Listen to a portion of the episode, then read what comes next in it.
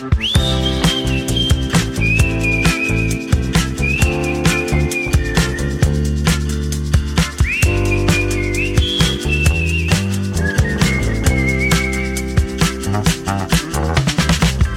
Andreu! Hola, Sílvia. Com estàs? Bé, estic, a veure, amb moltes coses, moltes coses que han passat últimament. A veure. Sí, jo per això avui et proposaria de no triar un tema del dia, sinó de, de donar una mica es- d'espai per parlar d'aquestes coses que van passant rere la càmera i rere els micros, no? A Easy Catalan, a les nostres vides, a Catalunya. D'acord. perquè entre que gravem una cosa i una altra, mm, moltes vegades doncs s'han mogut molts fils i, i això, i han Sí. passat moltes coses, no? Sí, exacte.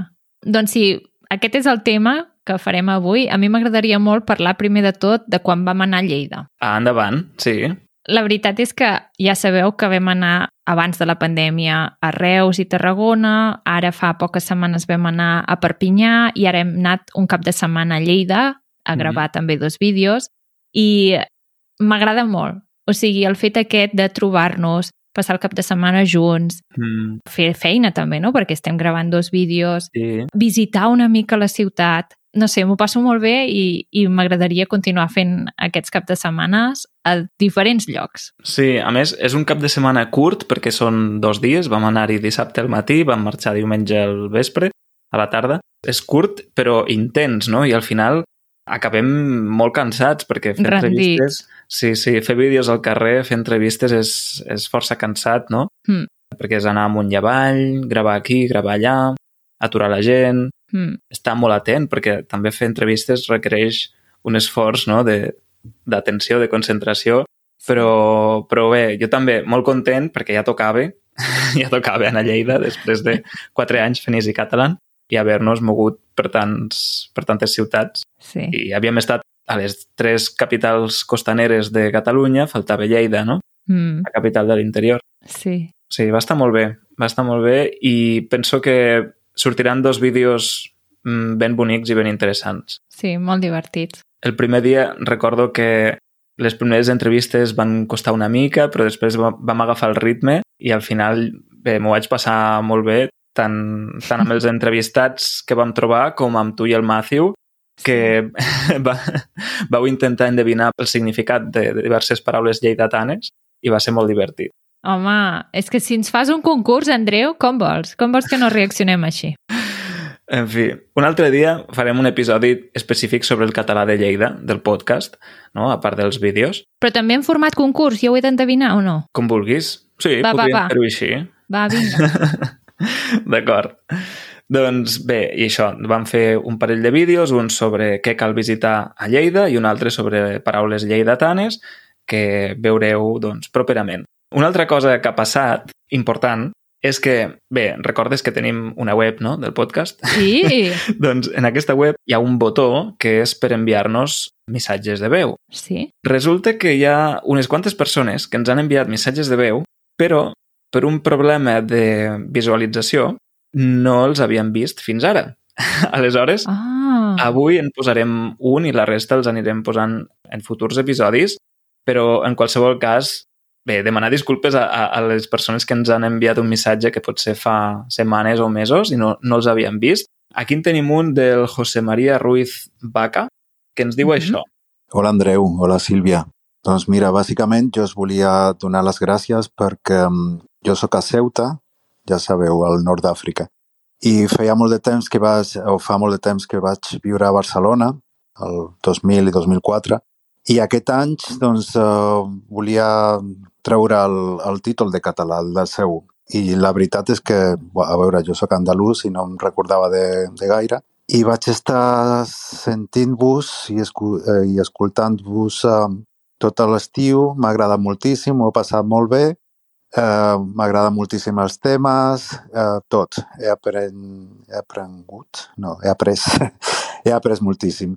I a més a més eh, m'he tret el títol de català a Palma. Així, Uau, així doncs que estic molt feliç i de veritat que, que us dono Aquí es va tallar l'àudio, però bé, m'imagino que ens donava les gràcies Uau. Moltes gràcies a tu, José Maria. Que guai, eh? Escolta, i enhorabona, eh, per haver aconseguit aquest títol. Exacte. Sí, sí. Molt Que bé, bé. molt bé. Quina gràcia des de Ceuta. Crec que Sí. és la primera vegada que conec algú que viu a Ceuta. Mira, jo tinc una companya de feina que és originària d'allà. La seva família ah, és de mira. Ceuta i va cada estiu. Ah. Sí.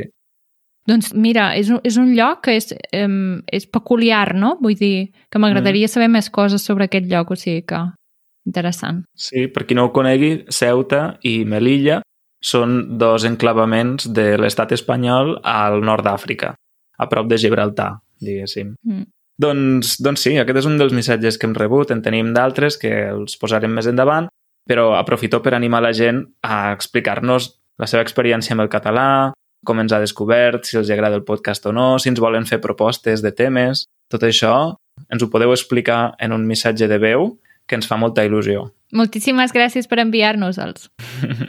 Bé, següent. A veure, a mi m'ha passat una cosa en la meva vida. Bé, passat. La cosa és que he començat a fer ioga i ara mateix estic baldat. O sigui, em fa mal tot. Però, però, o sigui, has començat, començat, o ja fa setmanes que estàs així de cruixit? Mm, fa un parell de setmanes que vaig començar, però vaig començar amb sessions suaus, no? De- Ahà, D'un tipus de ioga que es diu yin. ah, ni idea. És un tipus de ioga més estàtic, no? Que t'estàs una bona estona en una postura que no requereix fer gaire força, sinó que és més per reposar i relaxar-se i estirar-se Ah. també. Mhm. Llavors és un ioga molt tranquil i molt, molt estàtic i més meditatiu. Però Mhm. llavors vaig fer una sessió d'un ioga que és més dinàmic Mhm. i més exigent, més, Mhm. sí, més difícil potser, que es diu Vinyasa i va ser després d'aquesta sessió que vaig acabar eh, això, totalment baldat, no? Estar baldat vol dir quan et fan mal els músculs, no? Sí. Quan estàs molt cansat, un cansament general o fins i tot dolor muscular després d'haver Mm. fet exercici. O d'haver treballat, no? Exacte. Acabes de treballar i estàs baldat. Hmm. Aquesta potser és una bona manera d'evitar aquell castellanisme tan freqüent Quin? que són les agulletes. Ah, s'ha de dir el estic cruixit o el cruiximent? Sí, o... estic No, cruixit o tinc Mhm. cruiximent, sí. Mhm. És un castellanisme freqüent. Sí. Doncs això, que estic baldat, però estic content perquè trobo que el ioga és un exercici... O sigui, és més intens del que pensava, això del, del vinyasa, Sí. però m'està anant molt bé per guanyar flexibilitat, Mm. però també per relaxar-me, perquè al final també hi ha una part de, de meditació, no? de respiració, de concentrar-te en, en l'aquí i ara. Mm -hmm. I ho aconsegueixes? Clar, ara estic en una fase en què estic aprenent els moviments, és molta informació nova perquè has d'aprendre a com col·locar-te, com no col·locar-te, com fer la respiració. Llavors, estic més pendent d'això que de mantenir la ment meditativa. D'acord. Llavors, jo crec que un cop domini més el tema de les postures, doncs podré també concentrar-me més en la part mental. Mm -hmm. Jo no puc. No pots? No. O sigui, el meu cap no para, de, de- no para de pensar. Deixa la ment en blanc. No? No, no. Ni en blanc ni en negre. Res. Però no és tant deixar de pensar, Sí, sí, ho sé, ho sé. és- sinó Ho com sé. de, deixar anar els pensaments. Sí, doncs no. No? No, no. No funciona. Però tot es pot adquirir, no?, amb la pràctica. Segur, segur. En fi, més coses. A veure, jo també volia parlar d'una cosa, i Sí. és que ens va entrevistar ja fa unes quantes setmanes l'Eliseu. L'Eliseu Mhm. és un noi que té un podcast, el seu podcast es diu LingoCast, us deixarem Sí. l'enllaç per aquí, i ens va fer una entrevista molt bonica que la podeu escoltar en el seu podcast, i la veritat és que em va agradar molt que tingués un podcast en què fa un repte, i és que cada mes intenta fer un episodi del podcast en una llengua diferent. Mm. I nosaltres hi vam anar convidats perquè aquell episodi del podcast el feia en català. I eh, em sembla una cosa molt bonica, no? que sigui un podcast que parli de llengua, d'aprendre les llengües, etc, que ell sigui políglot i que, a més a més, faci un episodi cada mes d'una llengua que ell sap parlar. Sí, sí, trobo que és un projecte molt interessant. Una mica com, com el canal de, de la Laura, de Couch Polyglot, no?, que, que Sí, també fa vídeos en, exacte. en les diferents llengües que parle. Mm. I sí, us deixarem l'enllaç d'aquest episodi, d'aquesta entrevista que ens van fer, perquè si teniu ganes de sentir-nos parlar encara més, doncs allà ho fem una bona estona. No, i a més a més, un dia l'Eliseu ha de venir, eh? Vull dir, ha de venir aquí a explicar sí. ben bé què és el que està fent amb el podcast i explicar-nos per què aprèn català. Sí, el tenim a la llista de futurs convidats. I ara que he dit això de la Laura, una altra cosa que ha passat és que just després del cap de setmana que vam anar a Lleida, el dilluns següent vam quedar amb la Laura, uh -huh. perquè ella viu a Alemanya, però va venir aquí a, a Catalunya a passar-hi unes setmanes i ens va escriure per si volíem fer alguna cosa junts, no? Llavors vam quedar amb el Joan també i vam estar per Barcelona gravant un vídeo molt divertit sobre... Bé, no sé si fer un spoiler. Puc fer un spoiler? Com tu vulguis, Andrés, sí, sí. vam gravar un vídeo sobre coses que s'han d'evitar per no semblar un turista a Barcelona. D'acord? El títol és molt llarg, intentarem buscar alguna cosa més curta. Eh, sí, com no semblar un turista a Barcelona. Per exemple. Per exemple. La qüestió és que vam fer molt el pallasso. No sé què passa, que últimament fem molt el pallasso. Eh, I crec que sortirà un vídeo prou divertit. Espero que ningú s'ofengui amb, amb les bromes que fem, perquè al final és això. Només són bromes. I, bé, i vam gravar un vídeo per al canal d'Easy Catalan i també un per al seu canal. Per tant, estigueu atents que apareixerem en un altre canal, també. Molt bé. Què més? Um, aquí a Catalunya han tingut lloc alguns esdeveniments importants. Mm -hmm. Concretament a Barcelona ha sigut la Mercè. La Mercè són les festes, la festa major de la ciutat, mm -hmm. que té lloc cap a finals de setembre. Aquells mateixos dies també, o dies paral·lels a la Mercè, també és la festa major de Tarragona i la festa major de Lleida. Exacte. Totes tres festes majors estan juntes. I en canvi la festa major de Girona és a finals d'octubre. Exacte. Què passa? Que la Mercè té un acte de clausura, no? l'acte de clausura de la festa és el piromusical, que és un espectacle de focs artificials, llum i música. Sí, és un castell de focs. Sí, és un castell de focs, però a més a més hi ha una font que té mm -hmm. llums de colors i música, no? Per això mm -hmm. se'n diu piromusical. És un espectacle, la veritat és que és molt bonic, que el retransmeten per la tele. Fan un mm. programa especial perquè tothom sí. pugui veure aquest piromusical. Resulta que durant aquestes dates també va ser el concurs de castells, que és l'esdeveniment més important del món casteller mm. i que es fa en un estadi. Sí, la Tarraco Arena, no? Sí, el Tarraco mm. Arena. I allà hi van tota una sèrie de colles que si heu vist les imatges és impressionant perquè cada colla amb el seu color de camisa, no? Llavors es veuen, mm. pots veure clarament les diferents colles, no? Doncs resulta que hi va haver una petita polèmica a les xarxes, com sempre, perquè tot el que fem els catalans genera polèmiques, no? Llavors, eh, la polèmica va ser que la Mercè, que és una, un acte local de Barcelona, es retransmet a tot Catalunya, però en canvi el concurs de castells, per al concurs de castells no fan un programa especial. Potser fan un resum o, o alguna menció en el Telenotícies, però no un programa mm. especial com a tal. Quan el concurs de castells doncs, és un esdeveniment molt important d'un element molt, molt propi de la, de la cultura catalana, no? Mm. Que mereixerien també, doncs això, un episodi especial. Ja, però jo crec que això, o sigui, està bé, no? Però, mm -hmm. vull dir, també passa en moltes altres festes.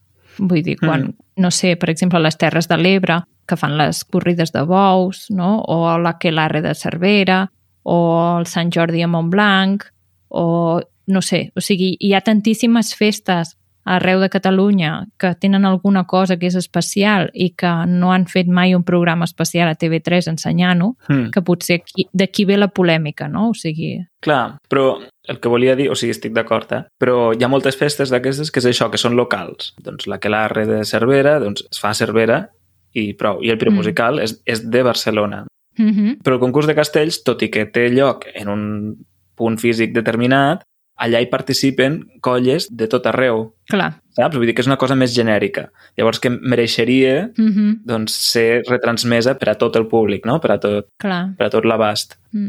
Però bé, en fi. Clar, no sé, també no sé quantes hores dura. Potser seria molta estona. I, I com que ja van fer el, el resum, com si diguéssim, a la tarda, que no sé quanta estona va durar, però de, Déu-n'hi-do, mm. doncs, clar, ho entenc, eh? Ho entenc, perquè si vas a un lloc t'agrada sortir per la tele, no? I, i aquestes coses. No sé, a casa vaig veure que, que sí que es podia seguir en directe o gairebé en directe per les televisions locals, o sigui, pel canal de, de TV Berga, de TV Berguedà, sí que es podia seguir. Uh -huh.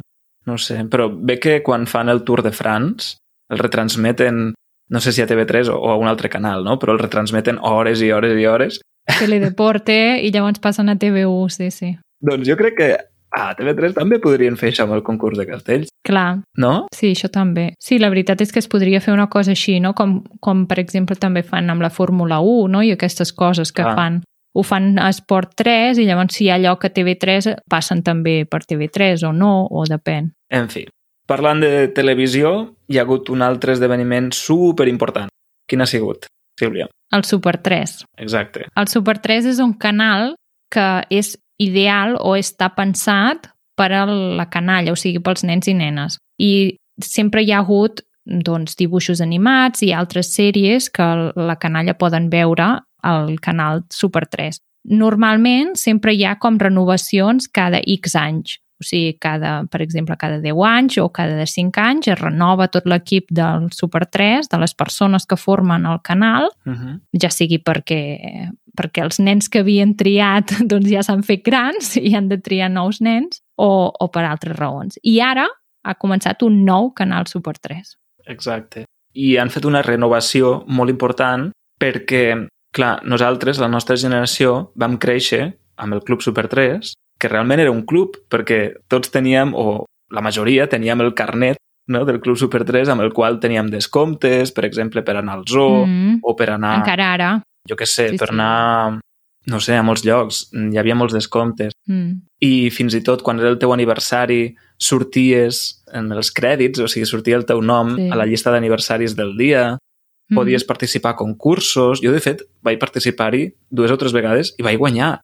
O sigui, Ah, mira. i recordo que vaig guanyar un lot de llibres i un, unes cartes de màgic Ah, veus? en, Coita. en diferents ocasions. Sí, sí, llavors era un club que realment t'implicava, no era només mirar la tele i mirar uns dibuixos animats, sinó que et senties part d'una comunitat ja aleshores, no? quan encara no es parlava de comunitats tant com ara, no? Mm -hmm.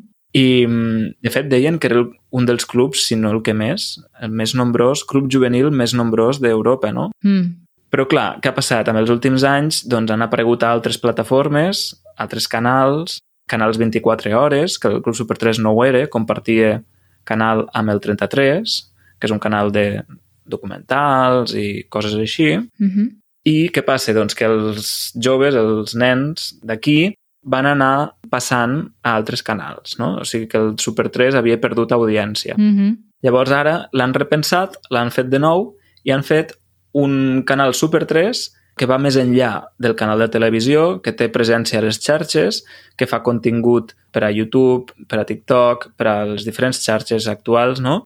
I que, a més a més, està diferenciat en dues franges d'edat. Hi ha l'S3 i l'X3. Mm -hmm. I bé, han fet una aposta clara per l'anime, o sigui, Mhm. l'ani- l'anime ja va ser un element distintiu del Super 3 que veiem nosaltres. Sí. Nosaltres vam créixer amb Bola de drac, Doraemon, Bola de Drac, Shin-Chan, Mhm. el detectiu Conan, Sakura... La màgica d'Oremi, Sakura... Sí, sí, tot això ho vam veure en català. Doncs ara han comprat els drets de noves sèries japoneses, les estan doblant al català i fins i tot hi ha una hora boomer, que en diuen, que és per a aquells que ja són adults, però que volen doncs, tornar a veure algunes sèries. Oh, mira que bo! Sí, no ho sabies? Hi ha No, l'hora no boomer sabia. i allà és on retransmeten, en principi, Bola de Drac. Ah, imagina't. Sí. Que bé, nosaltres no som boomers, eh? O sigui, nosaltres som millennials per la nostra generació, però l'han anomenat així. D'acord. Sí, Molt bé. Déu-n'hi-do quina mà de coses que m'ha explicat avui. sí eh? Un pupurri. Un pupurri molt gran. molt bé, molt bé. Doncs sí, potser podem explicar aquesta paraula, no? Pupurri. Ah, pupurri. Mm. Però tu la utilitzes, pupurri? Mm, No gaire. Jo sí.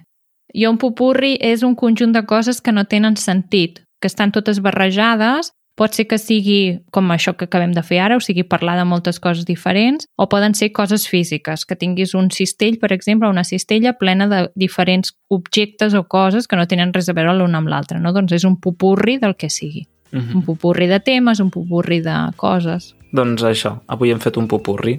Molt bé, doncs si us sembla bé ho deixem aquí I només ens falta dir que aquest episodi del podcast ha sigut gràcies al suport del Departament de Cultura de la Generalitat de Catalunya. Sí, i també gràcies a tots aquells que ens doneu suport, que us heu fet membres de la comunitat i aquells que ho vulgueu fer. Recordeu que teniu l'enllaç easycatalan.org barra membership i allà veureu els diferents tipus de subscripció. Si trieu la subscripció de podcast, tindreu l'accés al Transcript Player, que fa dies que no en parlem, però també és una funció molt interessant, i a l'ajuda de vocabulari. I també el bonus, que és el que farem ara. Exacte, i el bonus, que és el que farem ara. Així que, sense més dilacions, acabem aquí. Vinga, que vagi bé. Adeu! Adeu!